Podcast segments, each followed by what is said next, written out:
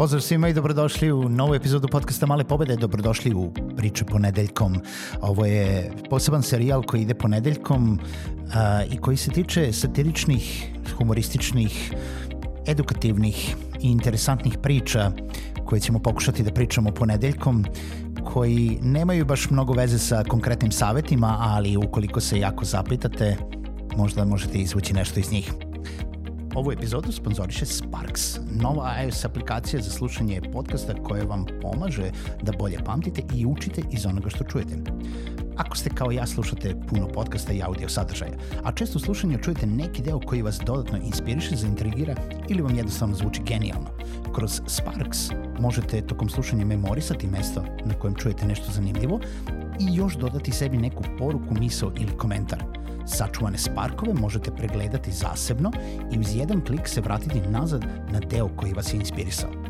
Ukoliko posjedujete iPhone ili iOS uređaj i želite da probate Sparks, posetite malepobede.rs kroz Sparks sa ks i skinite beta verziju. Idemo na sledeću priču i uživajte u pričama ponedeljkom.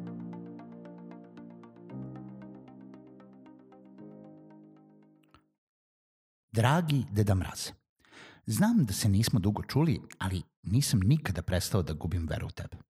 Nikada sam video kako mama stavlja poklone ispod jelke, kako se tata šunja u garaži i sakriva neke poklone, a nikada je Uja došao obučen kao Deda Mraz jedne godine pa se zapio i zapalio sebi bradu paleći cigaretu na plamenu kaminu. Nisam prestao da verujem u tebe, nikada sam bio nešto stariji pa su me poslali da mi kažu da ne postojiš i da mi objasne sve što sam već do sada video i naveo. A zašto i bih? Pa znam ja da ti ne donosiš poklone. To rade mama i tata. Nisi ti zadužan za to, to je samo marketing koji, mogu da ti kažem, radiš preterano dobro. Sve te kampanje oko radosti, sreće, prazničnog raspoloženja, poklona, vilenjaka, svaka čast za PR i kreativu. A i naravno da je kreativa dobra kad imaš irvase koji lete vuku sanke preko mesečine i stigneš da obiđeš ceo svet za jednu noć. Kad imaš armiju vilenjaka koji radi za tebe svo vreme pevajući za ništa zapravo osim osjećaja radosti i zadovoljstva, a ti zapravo radiš samo jednu noć godišnje. Pa ti si moj idol u vođenju kompanije, jebeš Ilona Maska, Buffetta i Trumpa, ozbiljno. A moram da ti pohvalim i ono partnerstvo sa Coca-Colom, jer sam siguran da si ih odrao za sve novce oko prava korišćenja svog lika. E sad, pošto smo zaključili da si majstor u onome što radiš, a i da postojiš, volao bi da nakon čitanja ovog pisma ispuniš i neke moje praznične želje – Bio sam dobar preduzetnik cele godine. Koristio sam samo whitehead metode marketinga, nisam kiti usluge samo zato da bih prodao, nisam varao klijente, nisam preskupo naplatio usluge, davao sam bonuse, vodio sam ljude na team building. Čak sam i preporučivao druge firme kada u svojoj ponudi nisam imao usluge koje bi im pomogle u tom datom trenutku. Počeo sam i podcast da radim, besplatno. Ipak i pored toga ili zbog toga, još uvek se borim sa održivosti, stabilnosti i rastom firme pa sam odlučio da ti pišem. Za početak voleo bi da mi u novoj godini metrike budu bolje. I da se ne zanosimo sa detaljima, možeš da smatraš da mislim na sve metrike. Više klijenata, bolje kampanje, veće prodaje, veći ROI, više prihoda, naravno ustoji više profita. I sad samo par detalja.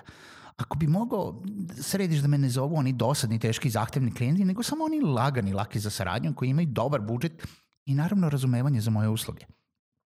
Takođe, posebno gledajući ROI, mogli bismo i da smanjimo ulaganje u marketing ako sve kampanje budu radile kako treba. Mislim, najbolje bi bilo da središ da se sve prebaci na preporuke i word of mouth, jer tako možemo da uložimo više vremena u same usluge i da se ne bavimo marketingom. Dobro, to je jedna želja. Mislim, sve što sam rekao su detalji, ali u principu je jedna.